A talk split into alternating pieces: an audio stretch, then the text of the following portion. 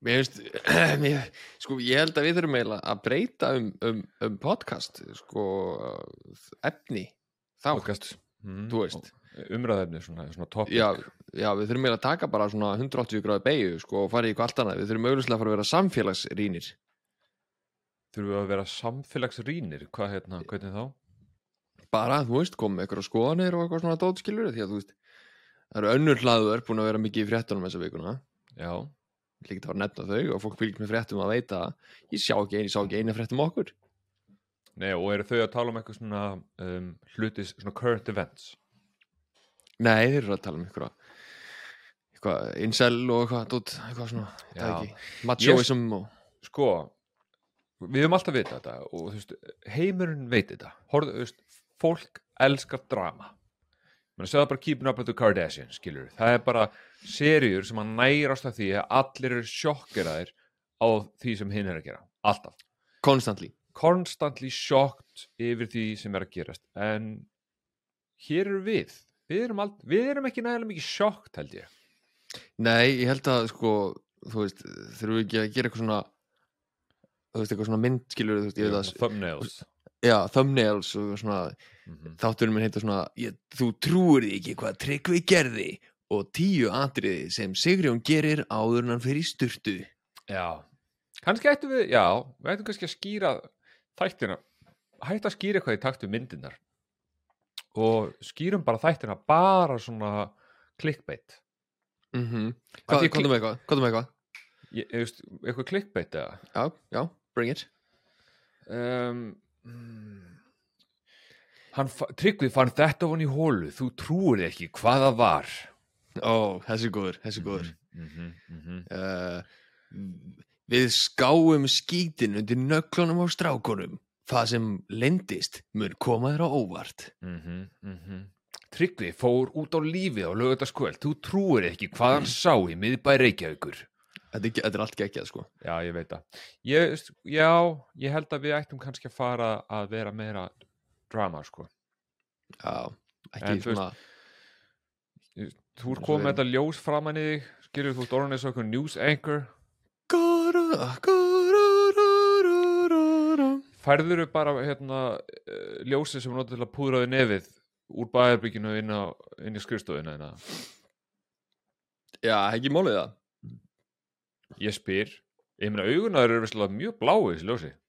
Já, en baugarnir mínu sjást getur vel Já, já. Það gleymist oft að þú ert sjö árum yngri en ég. Sem er galin pæling að þú horfir á. þetta er, og íbarasta. uh, og þetta er frábært segvi yfir það að, að við erum núna út af einhverju óútskýrlega ástöðu því að við erum meira kannski með rattirnar ég ger þetta, við erum ekki með andlitin til að vera on camera, en við erum on camera þannig að ef þú ert ekki múin að sjá það þá getur þú séð það á Spotify og, og fullt af stöðum og, og það er Sigurjón og, og hér er fullkomin tímapunkt til að slökka á kamerunni Open your eyes and you'll see aldrei aftur. perfect love. Þetta er fullkomið. Þú ert skrítnasti maður sem ég þekki. Þú ert skrítnasti maður sem ég þekki. Nei. Jú.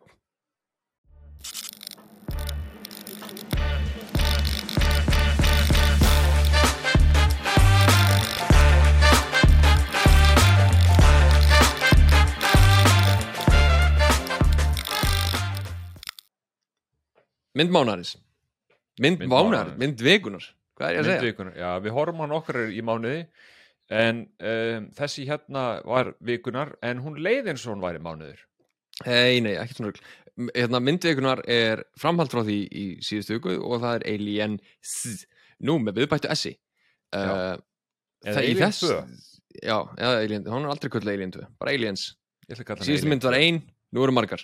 Ein, margar um, Sko, hún er leikstýrt af James Cameron uh, eins og við höfum farið yfir, þetta er James Cameron mánuður má segja. Mhm, mhm. uh, Hún er með Sigourney Weaver í alvegturki sem að kemur aftur sem Ellen Ripley. Já, Ridley, Uh, Ripley já. Ripley, já.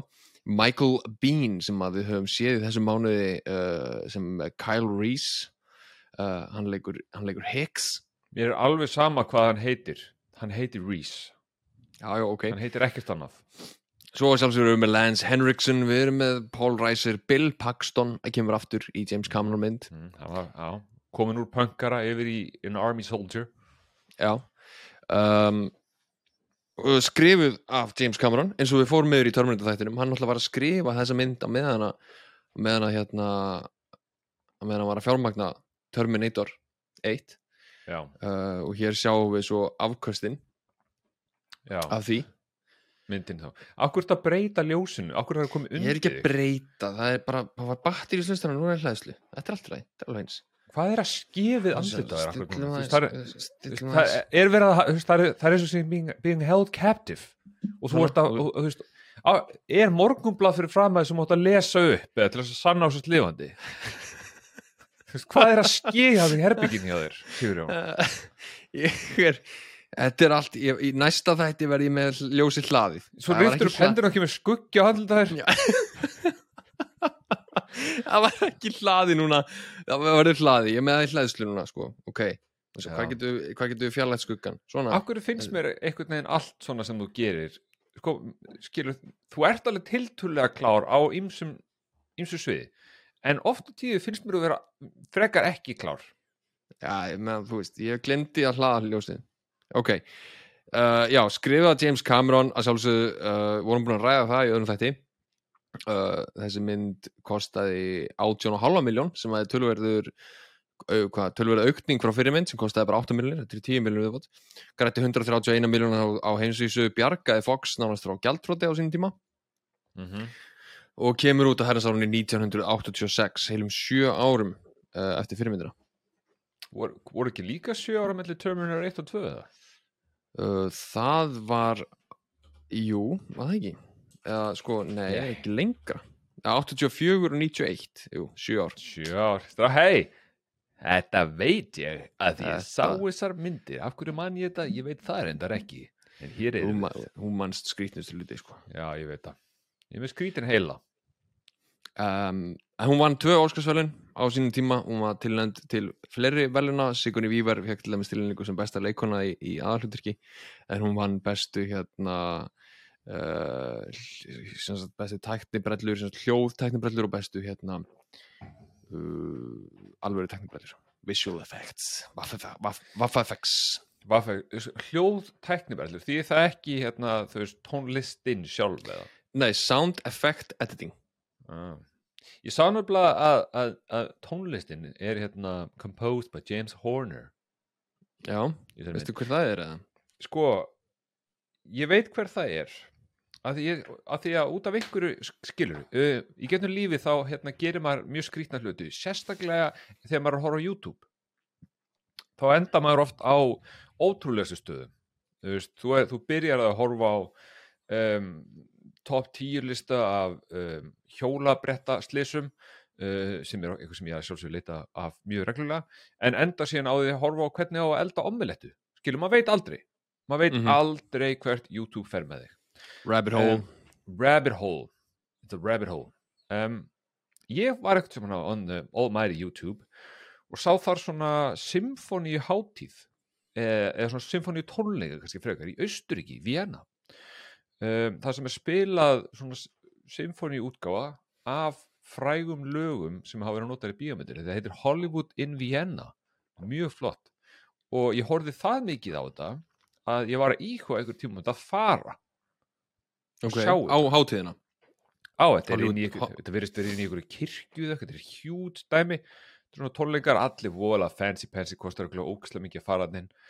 Uh, allir í jakkafutum en þetta er rosalega flott og það hefur þetta er mjög gaman. Og þeir, þeir taka stundum svona kompósera fyrir. Tóku til dæmis James Horner sem fyrir. Hans Zimmer. Já. líka. Mjög töff. Mm -hmm, mjög töff. Mjög töff. Þetta er cool sko, hann, hann fekk tilnýningu líka fyrir bestu tónlist, James Horner. Mm -hmm. hann er hérna hann hefur gert tónlistina nánast í öllum kameramyndum þannig að Já, ég, segjandi þetta allt saman, þá verði ég viðkynna, ég, ég gæti ekki, ég man ekki eftir neittni tónlist í þessari mynd. Nei, ég get ekki gert, ég get ekki raula fyrir eitt lag Nei. Er Alien ekki með eitthvað svona iconic song, eins og Nei. Terminator eða, það er ekki svona dun dun dun dun dun bam, bam, nei. Predator er líka ekki ekkert- ég sinni með iconic lag sko Já, að ég veit það ekki Við, ræ- við erum alltaf að fara að tala um þessa mynd en hún er, æ Þú lest mér alltaf að horfa á útgáð sem á 2 klukkutímar og 47 mínútur Hvað fokkin heimi? Ha? Eða 35 eða eitthvað. Letið þið horfa á það? Já, Ég ætla að passa svo sérstaklega að vera ekki að horfa á það. Þú fokkin lest mér horfa á það, you piece of shit! Ég horfði sérstaklega á 2 klukkutímar og 17 mínútur útgáfuna. Well, ekki ég! Ég horfði á lengri! Oh my god. Akkur heldur það, sko, bara fyrir ykkur þá finnst mér gaman að gefa sigur henni smá feedback. Ekkert alltaf, en oft ég er nýbúin að horfa mynd. Og ég, fyrsta sem ég sagði við hann þegar ég var búin að horfa á þessi mynd var fokk hvað þessi bíómynd á löng maður. Já, einmitt, og ég var búin að segja við þig því ég horfði á hana á sunnudaginn uh, bara, vá, þessi mynd bara líður eins og ekkert. Já, að, að því að sko þessi er lengri og hún er, sko, hún er, hún er langdregnari þú sást þess að atriði það sem að foreldrar njúts finna ekkin og allt þetta dót. Já, og að, og að Ripley sé búin að missa dóttu sína já, veist, þegar sem hann ætla að hitta þegar hann kemur aftur heim. Já. Já, ok, ég fokkin sá þetta allt saman sko. Sérðu, sérðu, sérðu skekkið mitt? Það orðið grátt já, Þessi mynd það var það ekki áður en ég horfði á þessa mynd. Ég ætla bara að láta þið vita því. Æ, okay. það er, þetta er skita að minni hálfu.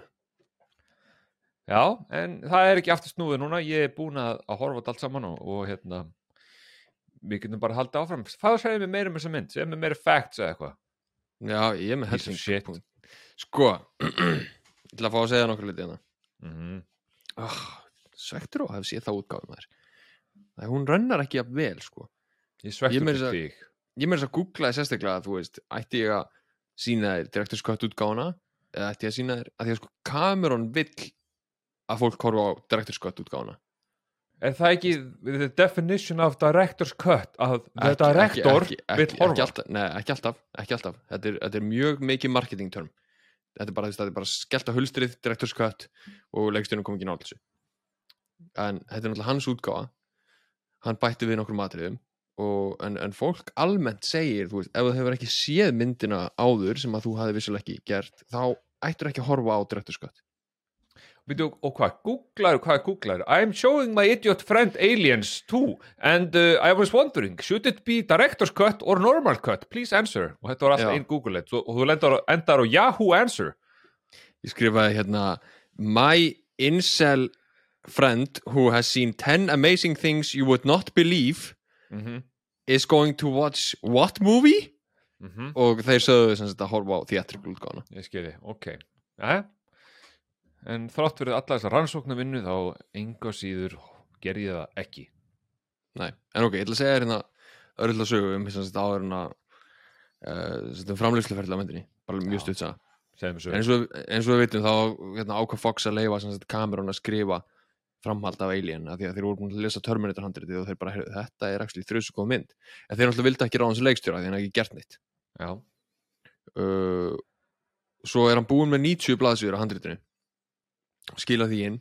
Og segir, heyrðu, ég get ekki haldið áfram að því ég þarf að fara að gera Terminator. Þú við erum komið með fjármagn ætla að fara að taka hann upp og klára hana.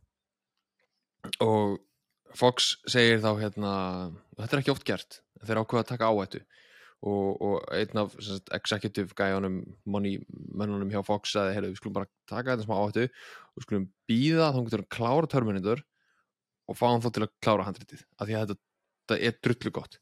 Mm og ef að Terminator er góð þá skulum við gefa honum þú veist, hérna, directors skikkið líka skulum lega honum að setja í stólinn og búa til þessa mynd. Uh, og svo náttúrulega klára hann Terminator og bara, hún er náttúrulega bara hitt í bandaríkjunum, þú veist make a cash, cash king Cash money, cash money. allt gengur vel, hún er flott fyrir sín tíma uh, Mhm. þannig að vissilega mörg aðrið hafi elst ítla þá var hann mjög flott fyrir sín tíma Í rauninni bara endurinn, fannst mér. já, já, eiginlega En, en ég það bara að segja, tækja fyrir eitthvað, þessi mynd, fyrsta myndin, hún er Arnold Schwarzenegger. hún er alvöld Hún er Arnold. um, en James Cameron skrifaði handritið alveg sérstaklega í kringum Ellen Ripley veist, Já. bara Sigourney Weaver karakterinn það er sérstaklega þegar þú ert að horfa myndina þetta er bara mynd fyrst og fremst um Ripley Já, og líka Sérstaklega- bara ekkert að því skiljalega eiginlega bara. já, ég meina sérstaklega líka þú veist að því að útgáðan sem að sem að þú horfir á, þar sjáum við þú veist eins og það að Ripley hafi mistóttu sína og þú veist aðrið það sem hún er að þræta við hérna boardroom gæjana um, jú það hafi verið gemverið þarna, það er eins lengra og svona, þannig að þú veist það er meiri það er meira svona koma að segja, meiri, hún fæ meiri tími til að anda karaktin Mhm. uh, en þá kemst hann að því að sagt, uh, Fox hafði nokkur sinnum haft samband við hana Sigrun Víver til að búa til framhald. Hún er alltaf sagt nei af því að hún var svo hrætt um að karakterinn eður eðilagur af því að þetta var svo góður endir á fyrstu myndinni. Og þá kemst kamerun að því að það er ekki eins og búið að tala við hana um þetta handrit. Mm. uh, og, og af því að það leiðin svo langur tími þá er hún orðin bara stór stjarna og byrja að byggja um tölvöld meiri pening. Og hérna og þeir bara eru að spá í því að að vera bara ekkert að þú veist, borgunni hennar pening. Þeir eru bara með ákveði budget og hún á bara að fá það og samþykja það og, og sætt sig við þetta. Um, og Cameron sem var þá nýbúin að giftast framleiðanda Terminator hann er hérna Gail Ann Hurd sem að er svo Never heard of her. Jú, Ann, never heard of her. Never heard of her. sem að framleiti Terminator og, og með því skilir að hann er leiksturinn þau eru nýgift þarna og er að fara í uh, brúðkastföruna sína. Já, og hún er að fara að framleiða Aliens líka. Og Cameron segir ef að Sigurinn Vívar er ekki búin að skrifa undir samning þegar við komum aftur úr hérna, brúkusverðin okkar þá er ég ekki að fara að leikstýra sem mynd og hann kemur tilbaka og það er ekki búið að undir samning. Þannig að þá ákveður hann að bara, þú veist, veistu, fuck it. Hann ringir í agentinn hans Arnold Schwarzenegger og er bara eitthvað svona að spjalla. Og hugsa bara, þú veist, ég ætla, að ringja hann og ég ætla að segja við hann að ég sé að fara að taka handritið skrifa Ripley úr því þannig að þetta sé ekki aliens mynd. Þetta er bara generic sci-fi mynd með hverjum sem er. Mhm. Og hérna, ég ætla bara að fara með hann annað. Og er að segja þetta við, við hans Arnold Schwarzenegger því að Arnold Schwarzenegger getur náttúrulega leikið í þeirri mynd og, mhm, og verið flottur í einu og svona. Mhm. og, og er að vonast til þess að þessi agent tali við Fox og segja þeim frá því sem hann gerði. Bang Sigrun við verðum meiri pening, hún er ráðinn allt blessast. Þetta er cool. og Cameron sagði sjálfur sko ef, að, ef þetta hefði ekki gengið upp þá hefði þessi mynd aldrei verið búin til. Ég hefði örgulega ekki fengið fjármagnir til að framlega hana neins þar annar staðar sko. Nei, þetta er mjög sniðut Hann er klókum maður. Ég meina Pínu- þetta pínu gekk upp þetta, þetta. var risk skilur Já, en ég menna skilur hei, þetta er bara, it's just like playing poker sko. Nákvæmlega. Ertu með Royal Flush? Ertu bluffing your ass off? Og ég meina þarna er okkar maður vissilega bara bluffing, hann er með, hann er með 2007 á hendi sko, mm -hmm. en hann lætur þessum Royal Flush ég er ánað með hann, ég supporta þetta já, já, ég er bara þetta var flott hjónum sko Já, en það er næst þá náttúrulega þá náttúrulega fáum við þessa, þessa rosalega skemmtilegu mynd sem er náttúrulega fyrst og fremst bara um Ripley og ég ætla með þetta að fá að hérna sína lítið atriði uh, úr því sem að, sem að undistrykar aðeins hvað við erum að tala um Hey, mira. Who's Snow White? She's supposed to be some kind of consultant. Apparently, she saw an alien once. Whoopie fucking do. hey, I'm impressed. Qué bonita Hey, Vasquez.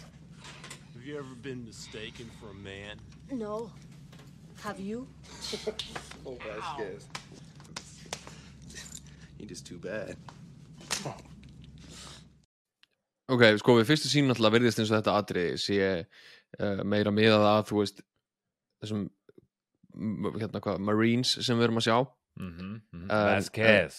Vasquez og Hicks og Hudson og allir þessum gæm Mhm. en það sem að myndin er meira að gefa til kynna þarna, því þetta er bara hvað þetta er ekki 30 myndir í myndina eða hvað Já, mér er örugglega tvo tíminn Já, ok.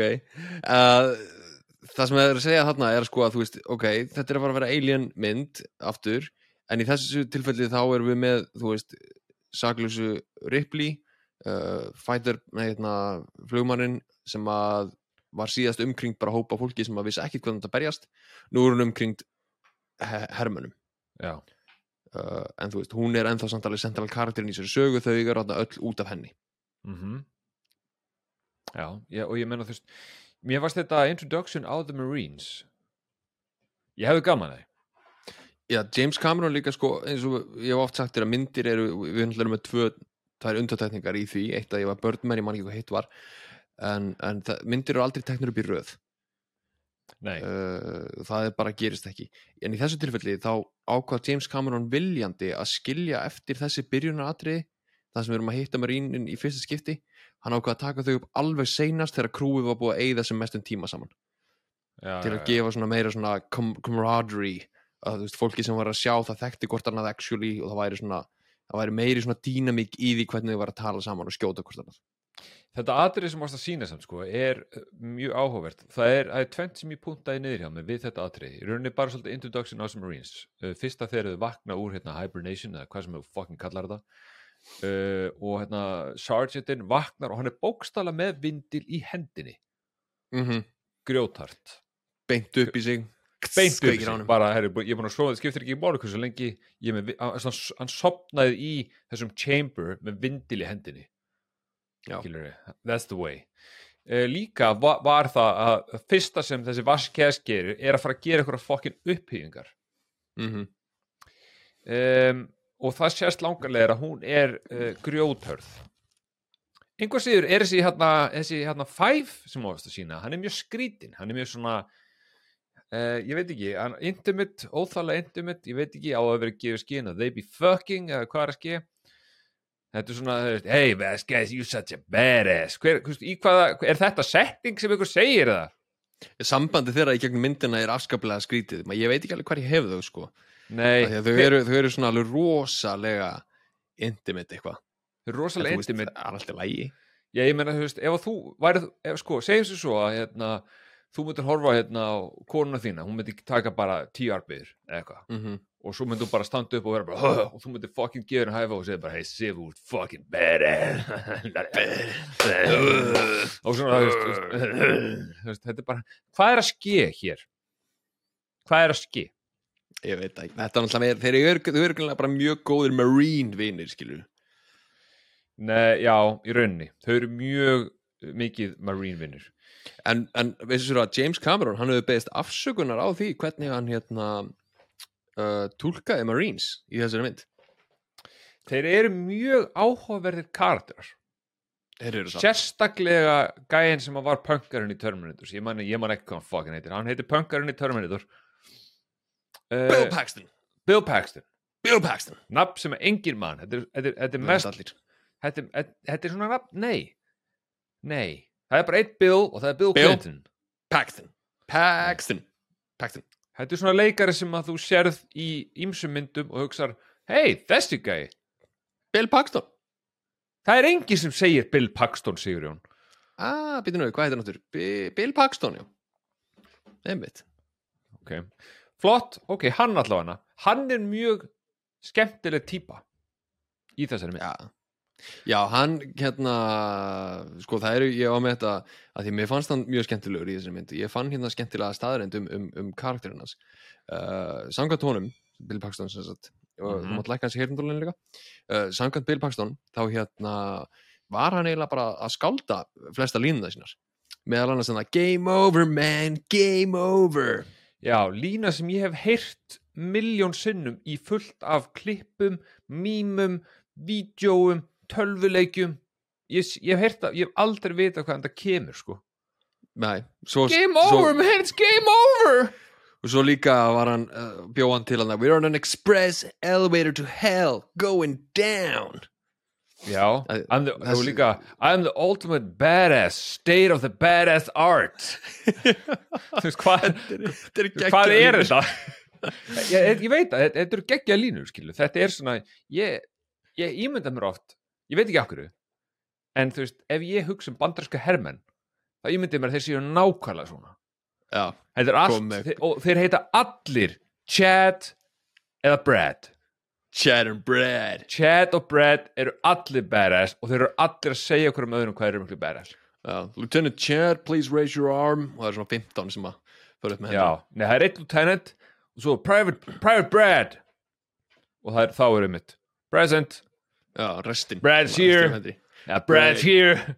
Your name's Brad too Man, what else you mean? Mm -hmm. uh, En það er búið staðfesta sem sagt að, að þetta er rétt hjá honum að- sem hann er að segja, hann er ekki að ljúga. Hann, hann kemur þessi línur af því að þessi línur eru hvergi sjánulegar í handrýtur á myndinni. Já. En ég menna þú veist, iconic línur. Já, geggjar geggjar en, en sko, þetta er samt mjög áhugert af því að þú veist, auðvitað í byrjun þá uh, er hún hann komið hennar Ripley 57 ár liðin, þar sem hún er búin að vera í svo fucking time, time capsule eða, þú veist, í svo fucking hann húsi. Með Jonesy. Eh, með Jonesy. Jonesy the cat, ég er ánægð með hann. Hann lifir enn, minn maður þú gerur eitthvað pól um það hvort að í fyrirmyndinni fólk myndi drepa Jonesy yfirgnæfandi meiri hlutur myndi sprengja Jonesy. Ég ætla bara að segja hvað er að ykkur?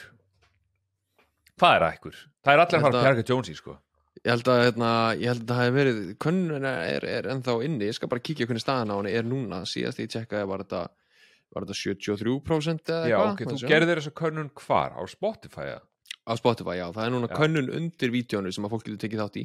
Já, þannig 70 ef það er að hlusta þá, þá mun sigur hún eflaust gera fleiri svona kannanir inn á Spotify en að Spotify er orðið hóðlega mikið þeng allt í hennu já, fyrir okkur, við erum náttúrulega, við erum bara eina hlaðar på Íslandi sem er búin að ná að taka Spotify og, og full nýta við erum í vídeo, við erum með poll, við erum með spurningar hellinga, eitthvað svona Mhm. skemmtilegu það er bara plattform 73 nei, þetta er ekki lengur bara plattform þetta er an entertainment venue mm -hmm.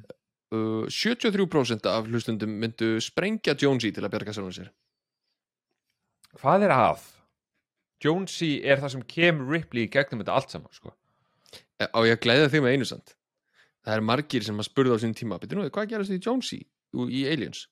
Ripley fór bara frá honum. Og það var bara eitthvað gæði sem tók það á sig og sko, official canon myndasaga um Jonesy. Og Mhm. hvað var um hann, hvað ævinn Jonesy fór í? Skiljalega, Jonesy er uh, aðal karakterin í öllum þessum bíómyndum. Og Já, ekki, já. þú, ekki þú er að segja mér neitt annað sigur nei. ok, hérna, sko um, ég er svolítið það er pínu forveitnætt við fyrstu myndina er að hérna, þau lenda í því að þessi geimur að dreipur alla. Það er umilegt og sett og alltaf og svo sprengjur úr skipið og það er umilegt um, fór, fór ekkert af skilabóðunum áleiðis hvað gerðist í þessu skipi í einhvert annað? Það augljóslega vantaði svona black box. Já, líka við erum in space skilur, Mhm. er ekki ykkur svona tengilegir hérna á milli skilabóða, bara hey, hello uh, there's, an, there's an alien here doing bad things to my body. Uh, Já, help. eitthvað, menur eitthvað svona, þú veist, eitthvað svona svona coming in, ekki fucking Morse code. Coming in? Uh, anybody, anybody on the, other, other line? Já, hello? það var bara eins og, þú veist, það var a bara problem. enginn hvað skeiði í þessu skipi. Nei, það er greinlega ekki, minna, þú veist, þau eru stór út í raskati, skilur við, þau eru in space, sigur Jón Ég við veit það, en ok, við erum núna árið 2023, bara svona eðlilegt ár, skilur við erum búin að búa til flugvilar, við erum búin að búa til uh, gameskip, veist, Jeffrey Bezos er búin að senda tippi upp í geiminn. Uh, Mm, that's a, that's a penis. That's a penis baby. Mhm. og uh, þú veist, uh, Richard Branson var að reyna að fara upp í game, misefnaðist en þú veist, reyndi. Samt sem áður uh, upp í ykkur fjalli í Ítalju er ekki símasamband Já, Þannig að, þú Kannski. veist, hvað, þegar við erum alltaf komið allan geiminn, það var bara, heyrðu, hvernig var að ná sambandi hana? Já, man, I don't know já Þetta er, ég veit það, kannski ég, þú veist, sko, ég var orðin, veist, ég er bara, þú veist hvernig ég er, sko, ég er alltaf skeptiskur á allt sem ég sé. Mm, mm, I call it like I see it, það er sem ég gerir í þessum bíómyndum. Já, hugsa bara Og- ekki lengra en það, Nei, nei, nei, til hvers að hugsa, maður hugsa ekki lengra, maður hugsa um núið, það er rétt það er rétt. Uh, og að því sögðu, þá, þá fannst mér mjög skiljalegt þegar þeir eru að byggja Ripley um að fara í annað mission um að skoða þessar gemurur, hann var ekkert sérstaklega hrifnaði. Uh, þú veist bara, Þetta er eins og að fara, þú veist, í, í, í, í, í skoðunaferð á, þú veist, uh, einhverja ripna höfn á grundatanga og einhver segir þig, heyrðu, við ekki að fara aftur? Skoða, og þú kunni, hei það er bara helviti, það er bara fokkin leðilegt já, langar er að fara aftur og hérna, hitta the killer alien. Uh, nei. á grundatanga Nei, Grundtanga, nei. En þetta, þú veist, það fekk mér samt til að hugsa þetta er skemmtileg pæling. Þú veist, er eitthvað sem þú hefur gert sem að þú hugsaði tilbaka og hugsar þetta ætla ég aldrei að gera aftur og það telst ekki með þegar þú lést pegga þig.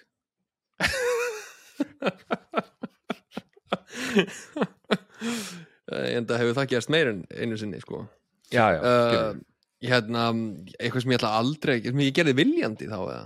Þú veist, viljandi eða bara, veist, einhver á hópþyrstingur, eitthvað sem að sláttinn gera sem þú hugsaði bara, sinni, ég, fór einu sinni á sko ættarmóti hveragerði. Þetta er ekki þetta er ekki diss á hveragerði. Bara ég vona að allir ættingjar sigur um sig að hlusta hér. Það, veist, það, var ekki, það var ekki það. Þetta var meira bara, þú veist það var búið að skipleggja ættarmóti sem heilan dag skilur Já. mættir hann klokkan tíu eða eitthvað og svo bara dagskrá til, veist tíu um kvöldið eða eitthvað. Sem var öll bara að skoða söfn og eitthvað. Söfn. Sorry, en þetta var þú veist 2000 og ég langar að segja kannski svona 8 og Mhm. það var ekkit matöll á hverja gerði eða eitthvað svona og var búið að loka eten skilur þannig að apinn var ekkit að segja brandara.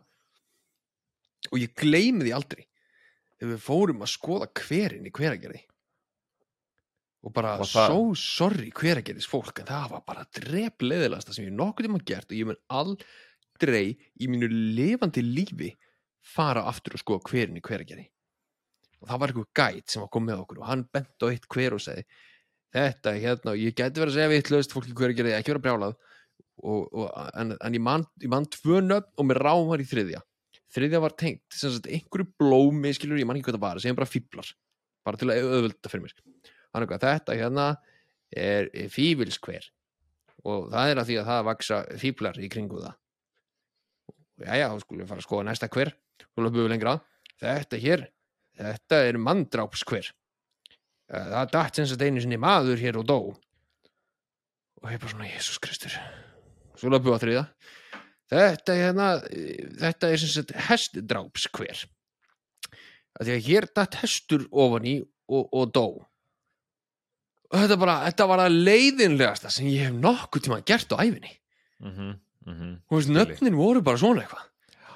Þú veist, ég beði bara því að þetta er, þetta er hver að því að það er hver í hverinu sem hverar ofan í hverið. Veist, þetta er bara asnala sem ég gert oh, ég man ennþá eftir þetta var það slæmt þú veist, jú, jú, auðvitað hefur maður gert eitthvað þú veist, sofið í baðkari í útskriftafæri, ég ætla ekki að gera það aftur það var ekki að næ, skilur eitthvað svona dót. En þetta, þetta situr ennþá í mér. Þetta átti að vera day of fun. En þetta var Day þetta. of Misery. Þetta var day of fucking misery. Já. þetta mótaði mig sem mann, Tryggvi. Já, og sko ég er strax búin að finna hlutir sem að veist, ég myndi aldrei gera aftur og það er að spurja því þessa spurningu. Þetta, er, þetta er það leiðinlegt að sagan er leiðinleg. Já.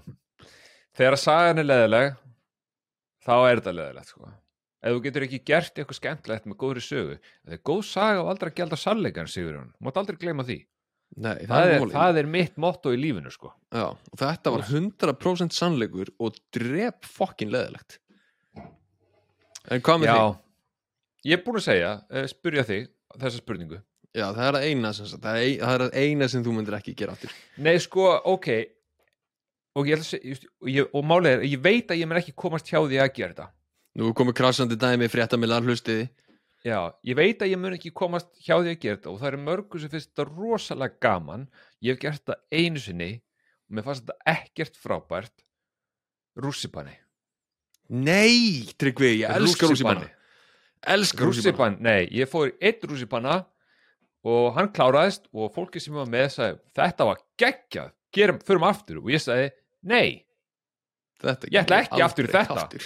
þetta var ekki gaman. Þetta var óþægilegt, ég var leiðust ég var öruglega að fara dett úr þessu sæti þrísvar um, ég er mjög Það er ánægður málið. komin aftur hinga það er málið, hvað hey, psychopath slappað fokkin af Ég elska þetta, ég elska svona The Rush Ég elska, ég elska fallturna Mér styrir ekki elskaru fallturna Já, þeir eru í bara gett hátt upp og þú veit eitthvað svona ógúð, ég er að vera þetta einhvern tímann og svo bara svona gung, heyrir eitthvað svona tjúf, og það er eitthvað, ó, já, ok, þetta ekki núna og svo bara bam, hreinur getur ekki öskrað, bara missir allt loft og ekki, ekki. en ég fór samt einu sinni í eitt sem ég mun aldrei fara í aftur á svona tæki þetta er fucking viðbjöður þetta er vass rennubraut það sem þú ferði inn í svona klefa og þú veist, rennubrautin er bara svona 90 gráður, bara niður eða þú veist bara, eða, þú veist beint niður bara.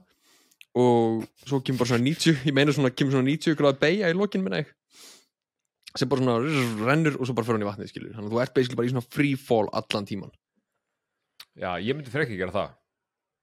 Myndur þú frekar, frekar gera það? Já ég myndi frekar gera það nei, nei, nei, nei, þú ferð inn í klefan og svo er bara svona, svona falskt golf undir þér já, og svo býður dettur. bara eftir, já, sem býður eftir að gæin ít og takka og þá dettur já, það er hljómar. mesti horbjóður sem ég hef farið í æfinni og svo er gæin, gæin er með tvo takka á takkanum sínum, hann er með svona takka á hliðinni líka.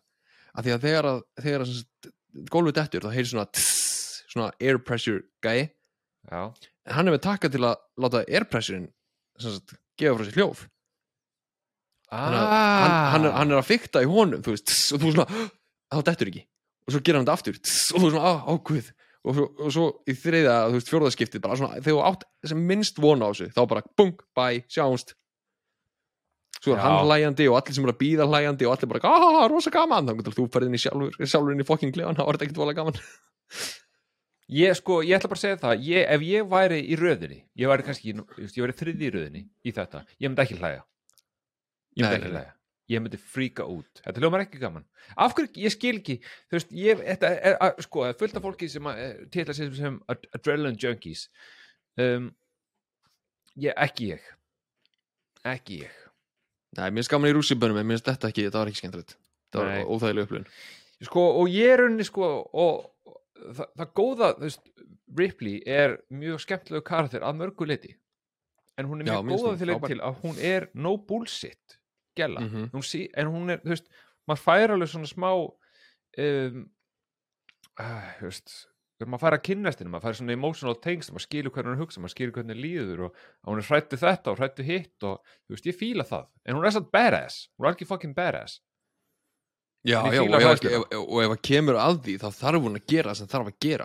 Og það er líka, þú veist, myndin er náttúrulega í fyrirmyndinni þá erum við ekkert með, þú veist badass Ripley, skilur, við erum ekki með, með, Ripley sem að tekur upp byssu og fyrir að skjóta alienin og eitthvað svona og tekur hann heads on, skilur, þetta er taktísk barata milli hennar og, og gemverunar uh, þú veist, man vs. monster. En, en, en ég ætla að sína hérna eina klippu uh, í viðbót sem að er dúldið svona hvað, á maður að segja svona punkturinn sem að öll myndin er að gera svona breytingin á Ripley frá byrjun til enda þetta er raunni þar sem að breytingin á sér stað og þetta, mér finnst þetta svo ógeðslega töff atrið, ég ætla, ég ætla að spila hérna fyrir ykkur Attention, emergency. All personnel must evacuate immediately. You now have 15 minutes to reach minimum safe distance.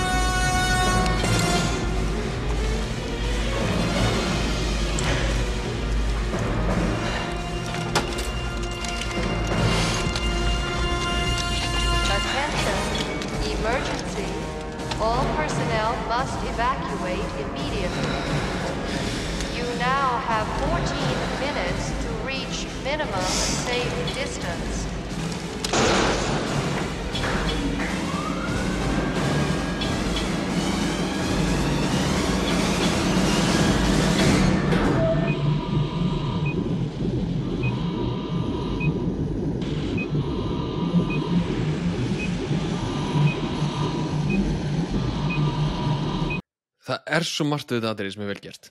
Um, Fyrsta lagi manneskjan sem lappar inn í liftuna er ekki saman manneskjan lappar út í liftunni nei. Uh, manneskjan sem lappar inn í liftuna er búin að ákveða það heyrðu, ég verð að fara þarna niður að berjast við hérna gemverðnar mögulega en ég þarf að bjarga þessari stelpu. Mm og ég mun gera allt sem að þess þarf til að bjarga henni. Og hún tekur með sér vopn og hún tekur með sér skot en hún lappar inn í, í, í búningum sínum skilur þú veist svona flugmanna búningum því hún er bara flugmaður í grunninni já, svo fyrir hún inn og þú veist ég elska hvað er tekin tími til þú veist það er ekki það er, það er mjög frækt atriði í Rambo 2 eða 3 þar sem að Rambo er að klæða sig í búningi sinn. Og það er alltaf svona supercut það er svona þú veist fyrir stífilið hann reymir skóna fyrir jakkan, þú veist, þetta er allt svona köttað bara svona dúf, dúf, dúf, dúf. Mm og þú veist að sjá Rambo klæða sig upp og það er svona, wow, þetta, er- þetta er grjótart en á meðan þarna ertu að sjá sko manneski sem að hægt rólega hleður í byssuna uh, setur skotin í svo fer hún úr jakkanum og þú ert bara, þú ert að vera vitni af breytingunni, manneski sem að sem að gjössanlega veit að hún hefur engu að tapa og hún mun öruglega deyja. -hmm. og svo endur það því að hún kveikir á flamethrowerðum liftan opnast og það er bara svona, þú veist, zoomað inn á hana og bara svona byrjar að pípa gemurinnar, píp, píp, það er út um allt. Og hún bara svona, ok, ég er tilbúin í það og rétt á hana liftan opnast með þess að þá er hún bara, þú veist, andar út og er bara svona, ok, guð minn góður ég er að fara að takast á þetta. Já, að bjarga stelpunni. Berga Newt Newt um, sem er áhugaverð manneskja. Um, sko ég sko við höfum oft rætta í, í hryllingsmyndum þá sérstaklega. Um, hvað krakkar eru scary. Mm -hmm. them, them kids be scary. Þeir eru alltaf the creepos Já, algjörlega. Alltaf. Þessi stelpa Eh, á ráðunni hlutverki að því að hún brost ekki í áhörnabröfunni já, og hún er með mjög uh, breskan sles ást, ástralskan hreim. Um, Já, eitthvað. eitthvað, hún er mjög áhugaverðan hreim. En sko, krakkar eru skeri um, þeir eru það bara þeir eru bara, guðblessið að, Takk fyrir. Uh, þeir eru skeri um, og þegar við hittum Rebekku þá er hún, eða Newt eða hún heitir, þá er hún hann inn í einhverju einhverjum, einhverju svona hólfi sem hún er búin að fela í. og þú veist, Ripley er að reyna að sá um að eru þetta verður alltaf læg it's gonna be okay. Þú veist, það eru hermenn hérna. Og þá þú veist, segir hún it doesn't matter, they're all gonna die.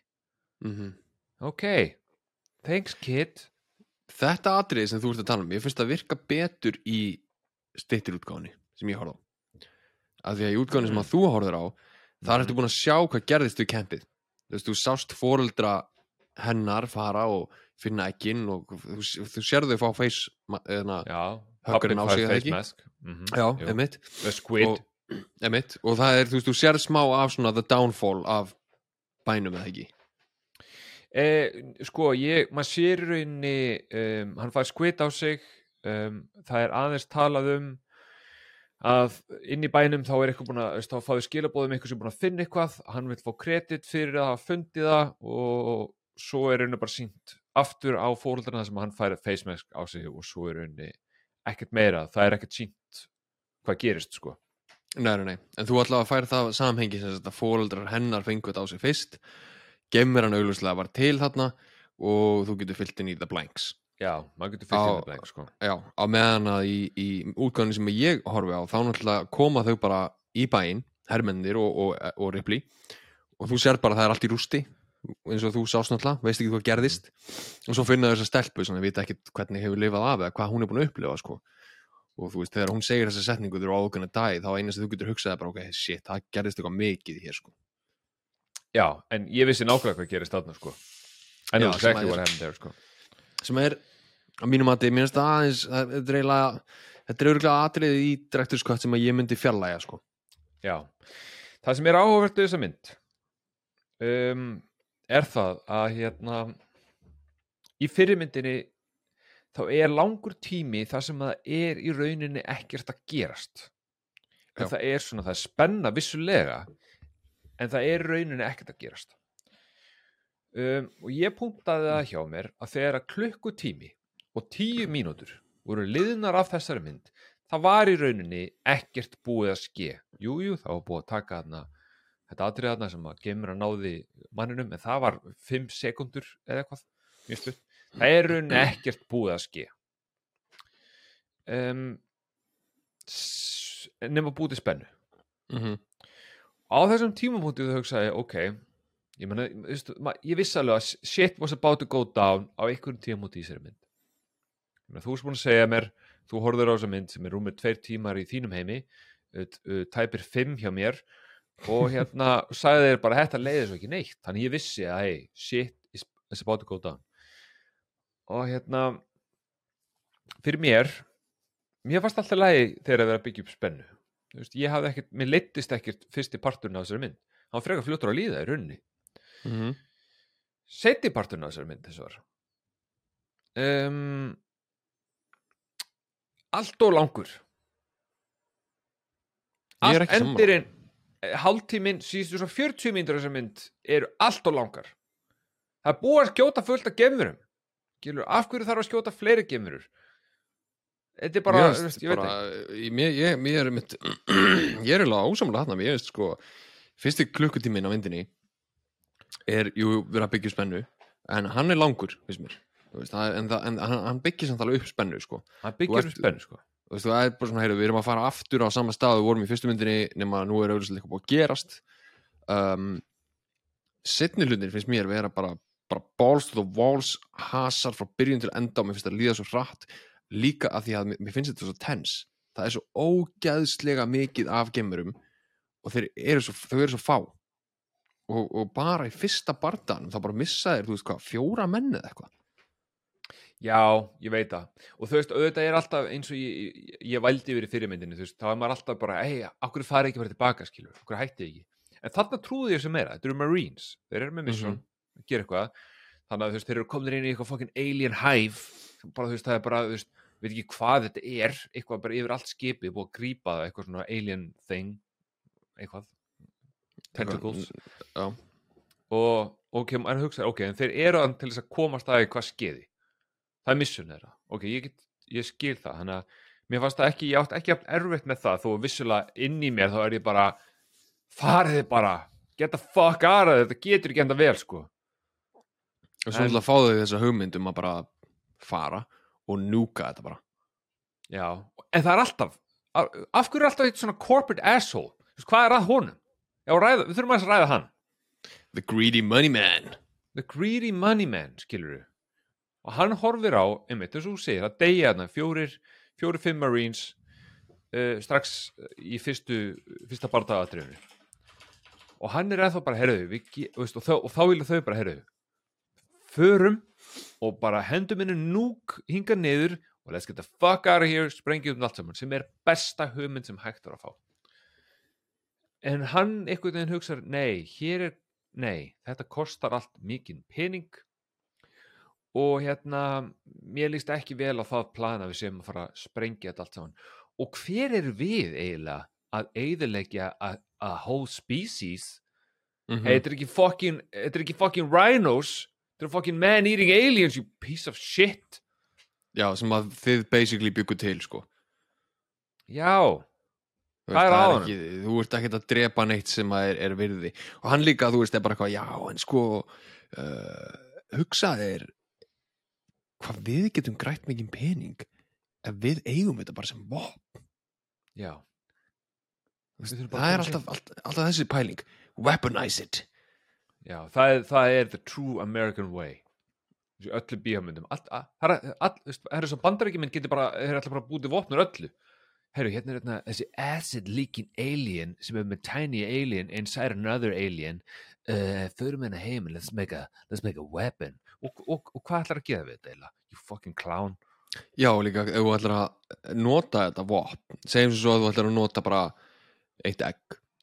Mm þú veist, þú bara eins og með, með Rúsland og Úkrænum stríðið núna.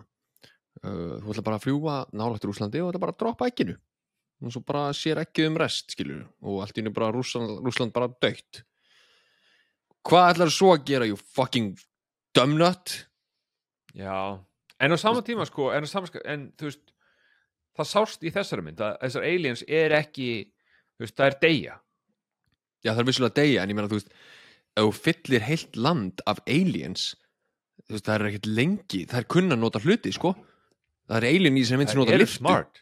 Það eru smart veist hún bókstæðan notar liftu Já, og ég var að myndi, þegar ég var að horfa á þessu mynd og sagði við séf allir, allir, allir alien sé núna í liftinni bara svona dun, dun, dun, dun, dun, dun, dun, dun, dun, dun, dun, dun, dun, bara þessi liftutónlist maður er alltaf sama tónlistin það skiptir ekki máli hvað þú ert, hvort þú sért á planetu VAF 257 eða jörðinni, það er alltaf bara bossa nova, sko. Já, þær eru smart og það er, þú veist, og þær eru uh, sínt miklu meira, en þær eru mjög töff, þær eru það mjög töff, ég meina síðast, síðast þetta tölvum um að hérna, það sést svo lítið í hana, Mhm. að þú veist, the unknown er það sem gerir hana spennandi, en þarna er visslega sínt miklu meira af henni. Já, og núna er eiginlega, já, og já, kemur mjög vel út, það voru líka, það voru notaðir, skal ég segja þér, hérna, dansarar e, í búningum í þetta skipti.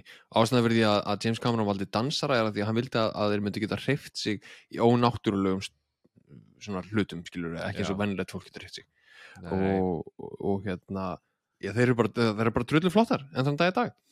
Og, og, og hættan kemur ekki hérðan frá bara, þú veist, því sem, því minna sem þú sérð, því hrættur ertu, hættan kemur hér í að því meira sem þú sérð og því fleiri sem þú sérð því hrættur ertu, af því að þú veist þær eru ógæðslega margar, vákvæður margar. Það eru fokkin endalusir sko.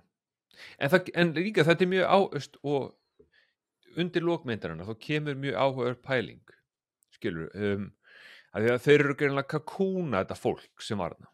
Mm -hmm. þeir eru ekki að drepa, þeir eru að kakúna til þess að mæntilega tróða einhverju tentacle ofan í þau og morfa alien úr bringuna þeim. Einmitt. Sem er, og maður hugsa, já, einmitt, ok, það er ekki ekki en svo einmitt kemur pælingin. Hvað með eggin? Hvaðan er þessi fokkin egg að koma? Hver er að búa til þessi egg Já líka sko, byrju áður nú fyrir að tala um það um, það er til þetta aðteglisvert að hérna geimverðnar sem að þau eru að búa til eru úr okkur, manneskjunum.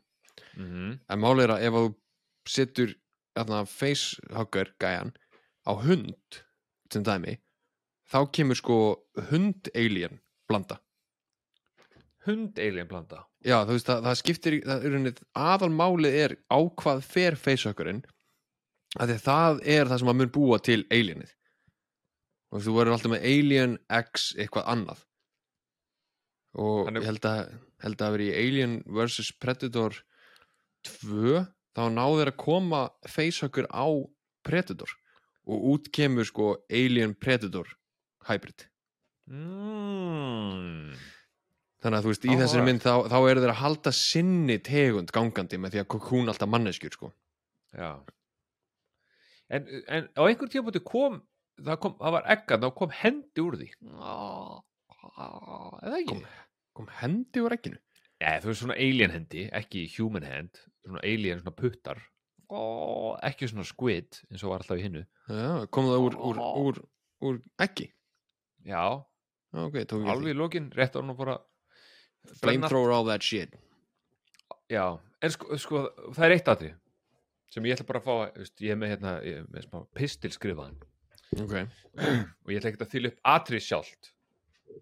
En rétt áður en að við sjáum atrið sem þú sýndir okkur áðan það sem hún fyrir liftira mm þá eru þau bara þrjú eftir. Nei, já, í rauninni, þrjú.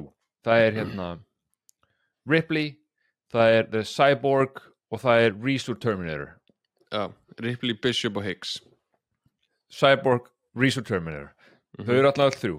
Reese er meittur og hérna, hann er ekki að fara neitt að bjarga þessar stelpu. Hún er að fara að bjarga stelpun en, hann er ekki að, hérna, að gera það. Hann er meittur, hann er búin að fá acid á sig.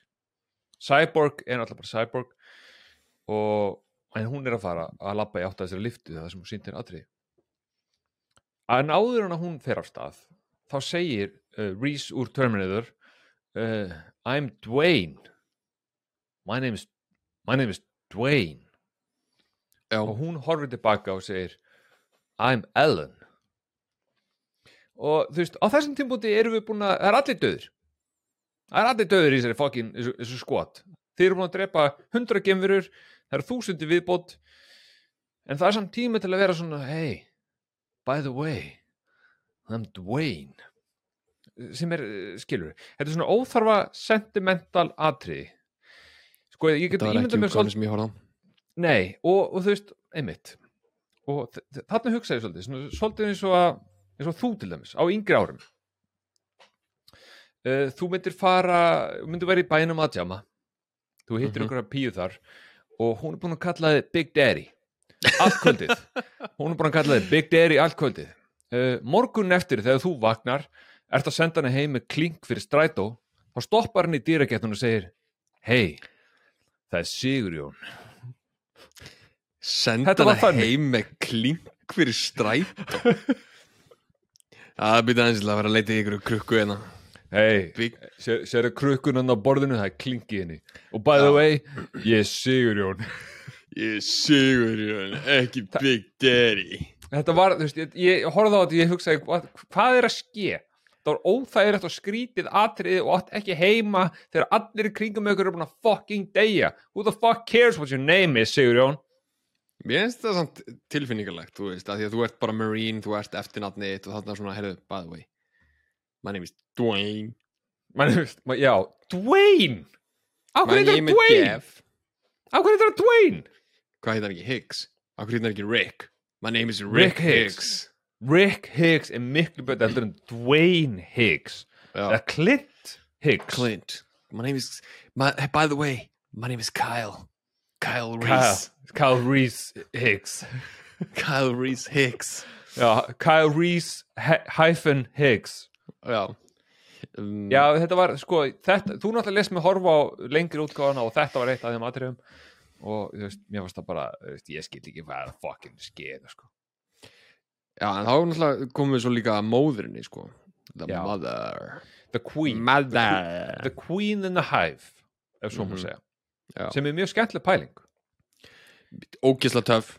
Sko ég er nefnilega geimverðuna líti alveg vel út uh, Mhm. venjulegu, en það er alveg tímapunktur í myndinu þar sem að ég er að hugsa sko, þú veist, ok þau eru að búa til svo margir geimverur að ég skil alveg að það eru ekki jafn dítelaðar og svo sem var í fyrstu myndinni. Já, uh, þú veist, það er ekki við sjáum ekki svona mikið slef og, og, og svona mikil smáatriði það er líka ekki að- mikið af close-ups Nei, nei, og þú veist, og, og örgulega af ástæðu, sko, því að það er ekki alveg jafn dítilar. Já. Búningarnir þurftu að vera miklu léttari, af því að dansararnir þurftu að geta hlupið og svo framvegis þetta er náttúrulega hasamind. En svo komum við að móðurinni. Og, já, já, sem er með hérna rana sem verpir eggjum og god damn hvað það lítur vel út. Þú veist, bara Sammála. mótilið af þessari queen bee, hérna. Já, ég var mjög sko ég held að það hefur verið okkar maður hérna punkarinn í, í hérna, Terminator um, sem að kom með þá pælingu að mögulega væri Queen hann Mhm. segir mikið af hlutum, mikið af online og all, alls konar hlutum en ég held Það að atriðir hann- ekki í, í, í stittur útgáðinni, til dæmis. nei, nei, Hann kemur nei, ekki með þá tilgáti, sko. Nei, hann er að panika, segir fullt af hlutum og svo endanum segir hann hérna held ég um, þú veist, hvað með eggin og þá hann, hei, Mhm. er þetta ekki bara eitthvað svo fucking ant, ant cave og þá segir hérna Vasquez, it's fucking bees numbnuts. Skilur, eh, you know what I mean allavega, en þegar að það kemur þá, veist, það svolítið kveikir á, kveikt í perunni hjá mér. Mm að ég var ekkert búin að pæla í þessum ég, ég bara voru eggatna og ég, veit, ég var ekkert endilega farin að pæla í því hvaðan þau fucking komu.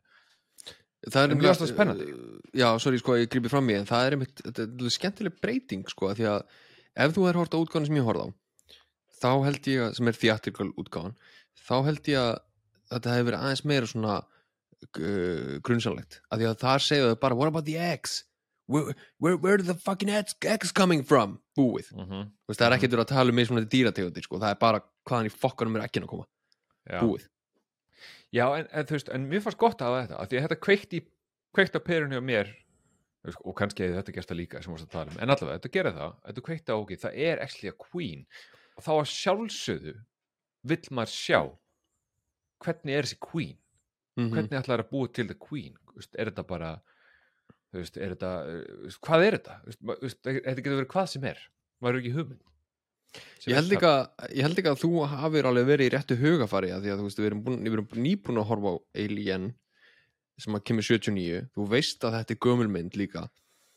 Og þú veist, við erum alveg búin að tala um það, þetta er, þetta er flott enn þann Mhm. dag í dag, en þetta er gamalt líka að þú veist, þú varst örgulega í sama hugafari og fólk sem var í bíó á því en tíma sko. Að þú veist, djöld er þetta flott? Hvernig geta þær mögulega gert eitthvað flottara?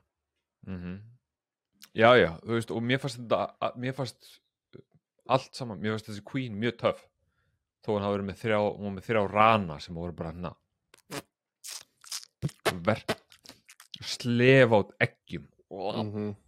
og líka það sem var svo töff við það atrið var að það koma aðrar gemurur að. Þær sjá hvað er að ske þær sjá að Ripley stendur fyrir framann The Queen með stelpunni og er að hóta. Já, og þær fara. Það, fara er, já, það er svona hive mind í gangi sko. það er hægum að Eh. það sjá heyr, The Queen is being threatened. Um, við þurfum að fara að valega en það er líka, já, þú veist, við getum ekki bara hvað við getum ekki sagt bara eitthvað hey, reynda að gangi augun á kvíninu og drepa Ripley strax af því að þú veist hún augljóslega með yfir henduna sko uh, en það þurfti bara til að benda á að það þurfti 16 aðila til að stjórna þessari drottningu. 16 16 aðila. Já, já, af því að hún, Hún var huge. huge. humongous. Þetta er huge queen og, og mjög vel gerð. Það var bara einhvern veginn huge copy af normal dudes sem bara uh, hún, hún var, hún, þetta var mjög töff aðrið, hún, var mjög en hún, var eiginlega óþægilega stutt. Já, hún er það sko. En það er basically sko til að, ég með þetta finna fyrir fram mig til að semst, uh, gefa alien drottningunni líf það þurfti 14 til 16 manns uh, af því að það þurfti independently, bara þú veist það var hver maður að stjórna þessu uh, þessum hlutum, þú veist hausinn uh, hérna hálsinn, líkaminn uh, hérna fæturnir uh, varirnar kjálkin og tungan, þetta var allt stjórnað af sikkur og mönnunum. Og þau þurftu allir að færa sig basically bara þú veist saman eins og bara einhver tannhjól. Uh, og svo hérna var hún búin til úr bara svona gleri og, og, og svamp þú veist bara til að búa til þessa stærð og svo voru hérna menninni sem voru að stjórna þeir voru með svarta ruslabóka í kringu sig þannig að það var auð- au- auðvitað hægt að fela á. Í dag var þeir náttúrulega bara í grænum búningum og þeir voru bara kliftir í burtu sko. En, en þetta var ekki alveg orðið það flott í dag sko. En gæinn sem að bjóða þetta til sem heitir Stan Winston hann gerði þetta það vel og þetta lúkaði það vel á, á sínum tíma að það var gæði sem að heitir hérna, Steven Spielberg sem sagði, þú, getur þú ekki búið til T-Rex fyrir mig? Ég er að búa til hérna og, og hérna, hann, hann bara eitthvað, já, sure, örgulega og T-Rexin ennþann það í dag lítur betur út í Jurassic Park 1 heldur þess að tölvugerðu risaelur í nýjum myndunum. Það, þú veist, já, þetta er mjög gott senst resume. Já, ég held að hann hafi það fínt ég, ég, ég myndi að hafa það fínt, já. En ég er sammálaðið, þú veist eh, eh, þetta var bara þetta, þetta leit mjög realistic út. Og með við hvenær þessi mynd fokkin kemur út þá er eiginlega bara ótrúlegt hvað er raunin þetta lítur allt vel út bara ennþá í dag. Já, það er líka bara, þú veist, eins og, eins og litla, litla græðunar sem eru með það sem að kemur svona bíp, bíp, og svona sónargæi til að pikka upp hvar gimurðnar eru. Mm -hmm. um, hann lítur alveg feik út í dag miða við, þú veist, snjálsíma og eitthvað svona dót. En þetta er samt einhvern veginn eins og ég myndi ímynda mér að framtíðar sónar lítur út. Já, veist, ég er alveg sammálaðið sko. það er bara eitthvað við þetta, hvað þetta er svona röff og, og lítið einhvern veginn og þú veist, að því að við vitum alveg að sónartækni er mjög stór og hún er vanlega í kafbátum og svona og flugvélum. Og að setja þetta í svona litlan bara, þetta meika bara sens Já, ég er, ég, ég er samanlega og það, er, það er mjög realistic allt saman. Og það er unni allt realistic við þessa mynd. Fyrir utan það þegar að skipi er að fljúa ekki um skíin það er út af einhverju mjög klöngi Já, það er, það er vissulega mjög aðteklisvært, Mjög það er með lokin eða ekki? Nei, það er í byrjun, Það er í byrjun. Þeir eru að fljúa á plándra Já, já, uh, kannski í, í endanum en ég viðkynna að ég, ég var eiginlega farin að spóla í lokin. Spólaðar í lokin, þú ert svo erfiður Þú ert svo fokkin erfiður. Ég var Þú búin að horfa á þessa bíómynd í tvo og hálfan tíma, Sigurjón Þú Tveir og ekki, hálfur ver- klukkutíma. Þú spólaðar ekki verið atrið það sem hún er að berjast við hann í hérna, Nei, ok, ok, skilu, ok tökum það Sko, ég var bæði vegi, ok það er aftur komin Android, í fyrir myndin á alltaf Android sem fokkar allu upp, skilur það er læknum Mhm, já. í þessari myndi er annar Android, Bishop um, og maður er alltaf on the fence er hann að fara að fokka allu upp er hann að fara að gera eitthvað en nei hann endur sem the good guy og þau fljúi Mhm. mm -hmm. en síðan er annað risa alien komið sem, sem er jafnstórt og the queen hvað er þetta? er þetta the daddy eða? Nei, er þetta er mættur á board? Þetta er the queen. Hvernig er the queen þarna? Hún festi sig við skipið þegar þau voru að fluga í burtu. Hæ, hvernig? Það veit ég ekki, hún bara greip í það eitthvað. Hvað? Hún, hún kann að nota liftu tryggvi. Hún er alltaf Ekki- stór fyrir fokki liftu þetta huge ass queen sko. Það þurfti vissulega að taka hann í sundur til að setja hann í liftuna Þú það, það, það, það var actually lifta skilur og hún færist upp og niður og það, hún var rifin í sundur og sett inn í liftuna bara hluta af henni. En, en hún, þú veist, hún getur hluti skilur, ekki efast drottninguna. Nei, ok, maður á, sko, og ég, ég er sekur um of mikið af því að hugsa hvernig gerast þessi hlutir. Þetta meikar ekki sens. Þetta er sci-fi mynd um þetta geimverur. er sci-fi, ég veit að ég þarf að chilla. En skilur en já, ég, ég, ég spólaði ekki yfir það atriði um, ekki þegar hún fór eh, þegar okkar konu Ripley fór í liftaran nota beni þetta minnir má. Uh, hún fer í hérna lift, uh, liftaradæmi þarna, búningin mm Af eitt, sko, eru- eitt, byrju, byrju, eitt innskoð áður heldur áfram.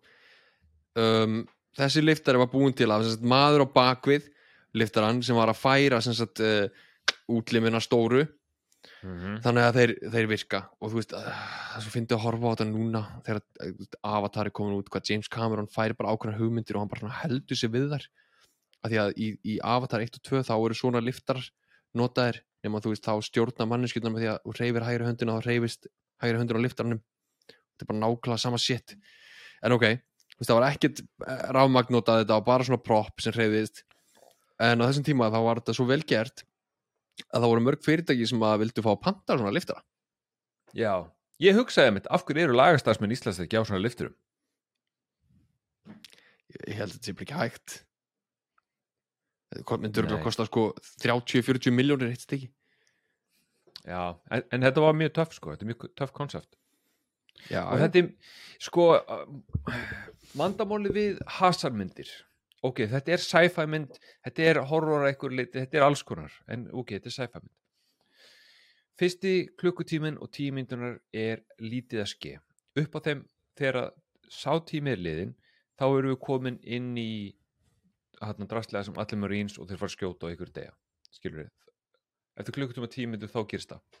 Mm um, svo er liðin einn og halfur tími næstu því af hasar og ég er bara löngu orðin mettaður af hasar shiti þegar það kemur að þessu atrið þar sem hún er í einhverju liftarabúning að berjast við the queen. Já, mér var bara alveg sama. Ég I could not care less. Það er líka eitt sem að mér langar að nefna varandi þetta atrið, það er að þetta, þetta, er, þetta er típiskur Cameron. Hann virðist ekki geta uh, gert hann ámarkar mjög góða myndir að sjálfsögðu en þú veist, hann á það til að endur taka eitthvað. Og mm. það er bara, gefur auga leið að endirinn á þessari mynd er sá sami og í fyrstu myndinni nefnum bara þau eru að berjast ykkur annað. Já, hann, hann, hún losa sig við geimuruna á nákvæmlega sama hátt skýtur henni út úr skipinu. Og, Mhm. og, og þú veist, þetta er bara 1v1 í endan þetta, þetta er sama atriði og í endan á Alien 1 þetta er sama koncept líka. Þú heldur að aliens er farin hún fer í burtu. Juki Borg, here is, here is the alien. It's back, it's back Já. here somehow, nobody knows why. But it's here. Og þau berjast og já, hún- hann skýtur hún út. Þannig er búin að var- skrifa allt handritið svo horfa hann endan og hugsa bara æ, gerum bara sama hlutinu í síðustu mynd. Já. Ég veit það ekki. Um, sko, mín niðurstað fyrir sem mynd er það uh, hún byrjar rólega um, og ég hugsaði hún er að byrja ansið rólega en ég var spenntur. Um, aksjón parturinn af þessari mynd er langur. Hann er, hann er allt, allt og langur fyrir mig. Hann er allt og langur. Uh, Ripley er megatöff uh, Rís úr Terminator er betri í þessari mynd heldur hann var í Terminator. Og heilt yfir fín mynd ekki amazing. Þú veist, ég held ég gef þeim báðum sjö. Ok, 6-5 á þessa? Já, mér leittist endurinn á henni. Ok, Þú veist, það var margt töff en, en ég var bara, hún var ólöng. En þá, þá, þá voru basically búin að svara loka spurningunum minni sem að ég er náttúrulega búin að vera spenntastur að heyra sko. hvort ertu núna Team Alien eða Team Aliens?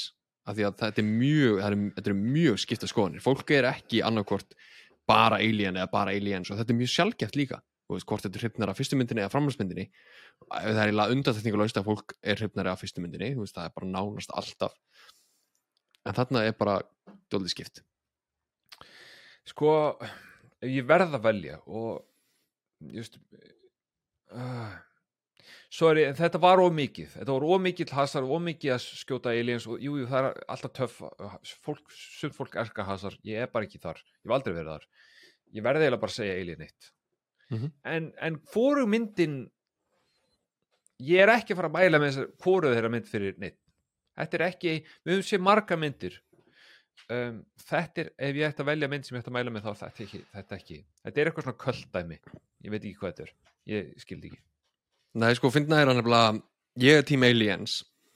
Já, en ég er samt eiginlega á sama máli. Ég er ekki að mæla með þessu myndum. Um, ég skil, sko mér IMDb langa eiginlega bara langa bara að sína þér þær. Þær eru, þær eru á top 250 held ég veist, Aliens far 8,4 Alien 1 far 8,5 þetta eru ekki svona góða myndir. Nei, Sorry. ég, ég skil alveg veist, mér finnst þetta alveg flottar myndir. Og ég skil að fólk sé mjög hrifið að þeim. En ég persónulega er ekki mikið að horfa á þetta mér finnst þetta geggja koncept allt alienið og allt ég síndi þér náttúrulega þarna alien stittuna ég held að það hef ekki verið í mynd. Er það nokkuð, nei, skal það ná ég hann aftur.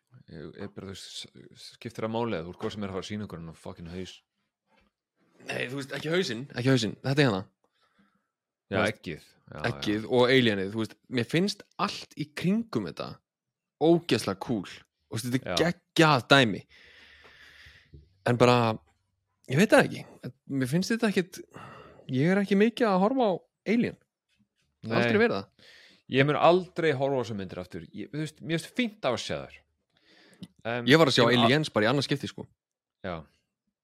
Ég mun aldrei horfa á þessar myndir aftur. Mér finnst uh, Ripley, Sigourney Weaver lang besti parturinn af þessum báðum þessum myndum með þessum geggjuð en sem bíómynd í heilsinni not my cup of tea not my cup of tea en það er þá fullkomin tími til að tala um næstu mynd um, það er mynd sem að ég er búin að vera nei, joke Æ, ó, sorry, ég ætla að fara að kynna ég ætla að fara að kynna myndina sem eru eftir næstu mynd Nei, ég er spenntur fyrir næstu viku Þú ert- er sko. Já, þú ert mjög spenntið fyrir næstu mynd. Ég er búin að horfa á hana og ég vona flestir séu búin að horfa á hana því að ég held að við höfum aldrei tekið jafn nýja mynd. Við tókum Everything Everywhere All at Once en hún orðin nokkra mánuða gömul en þessi er mjög ný. Það sé mjög ný og hún er on the Netflix Já, hver er ekki með Netflix? Þannig að þú veist, þið hafið bókstæla enga afsökun til að horfa ekki á þessa mynd. Við erum búin að gera þátt um fyrstu myndina. Ég lofaði ykkur öllum og tryggva því að þegar að þessi mynd kæmi út að myndu við tala um hana mm um, og þetta er svona Glass Onion eða Knives Out 2 Knives Out 2 Benjoy Blanc is back Já, ég meina, ég valdi Knives Out sem, ég man ekki, í þriðji eða annars hætti fyrir bestu myndir sem við vorum búin að horfa í fyrra. þetta var uppáhalds karakterið þín og var þetta ekki uppáhalds myndið þín líka? Mm, ég fucking manna ekki, sko. Ég held Við erum það, að gera svo mikið, sko. ég held það Þetta er allt í, veist, sko, það má ekki gleyma því að, að ef þið er ekki að hlusta á áramöndaþóttunum, hvað sem erum að taka topplistan, þá hérna um, voru við, kom þér ansi í glas, svona undir lokin. En það var líka frekar langur. Já, þetta var líka áramóta þáttur Við þurftum að halda var- þema. Þetta var hérna áramönda þáttur og, og við vorum búin að fá okkur virkast en mjög skemmtileg þáttur einhver síður. En ég mani, ég, ég, ég reyta hann mjög hátt fyrstu myndina. Já, líka bara þetta tilvæli tækifæri ef þið hafið ekki hlusta ef þið eru búin að join okkur nýlega. Uh, og ég skil það bara full vel að hafa ekki hlusta á eldri þætti. Ég hlusta ekkert mikið á eldri þætti því ég finn podcast. Uh, þetta er tilvæli tækifæri til að hlusta Knives Out 1 þáttin við vorum báðir mjög hrypnur að henni. Ég er búin að sjá Glass Onion, ég er að fara að horfa á hana aftur fyrir næsta þátt. Mm -hmm. og ég hlaka mjög mikið til að sjá hann aftur. Alveg bara eins og með Knives Out 1 það er gaman að horfa á þessar myndir, þessar tvær þegar maður veit tvistið. Þetta er ekki, þetta er ekki myndir það sem að þú veist tvistið og þá er myndir hann leiðileg þetta er bara akkurat öfugt, það er miklu meira sem tekur eftir og bara svona þú veist, já ok, wow, nice þannig að hérna, ég laka til laka til að sjá hvað þér finnst um hana. Þetta er tölvöld öðruvísi mynd heldur en Knives Out 1 var. Og, og hérna og en nú, nú er sko, já, nú er náttúrulega þú veist, eins og margt annað uh, sequels af bíómyndum með töluleikum uh, ef eitt er gott, þá eru væntingarnar hærri fyrir tvö. Ég meina, ég reyta eitt átt þannig að ég ætla bara ekki að skafa því. Eh, væntingarnar eru að Já. fyrir númer tvö. Nákvæmlega mun það come back to haunt me or not, gef mér ljós. Það kemur í ljós, það kemur bara mjög mikið í ljós. En uh, annars minnum við bara sjálfsögða á Instagram með okkar heimbjó hlaðarp, við erum með Facebook-kóp líka heimbjó hlaðarp. Heitir það sama. Og hérna við erum á, á videoformi á Spotify, YouTube og, og mælum að sjálfsögum með því að fólk hlusti á Spotify að því að við erum með hellinga skemmtilegum fítur sem þar sem að sem aðrir eru ekki með. Hmm, Díva, Já. að hlusta það? Það er nákvæmlega, við erum, við erum hérna entrepreneurs in the podcast business og people should take notice. Oh yeah baby Þannig að þá til næstu viku við kveðjum þennan mánuð, þetta voru skemmtulega mánuður Hasar mánuður, James Cameron Við erum að fara í allt aðra hluti í næsta mánuði það verða töluvert rólegri myndir og eiginlega, ég held ég, get- ég held ég getið staðfesta að hver einasta mynd sem við horfum á í næsta mánuði sem miðið að einhverju sem að tryggvi hefur gaman af Yay!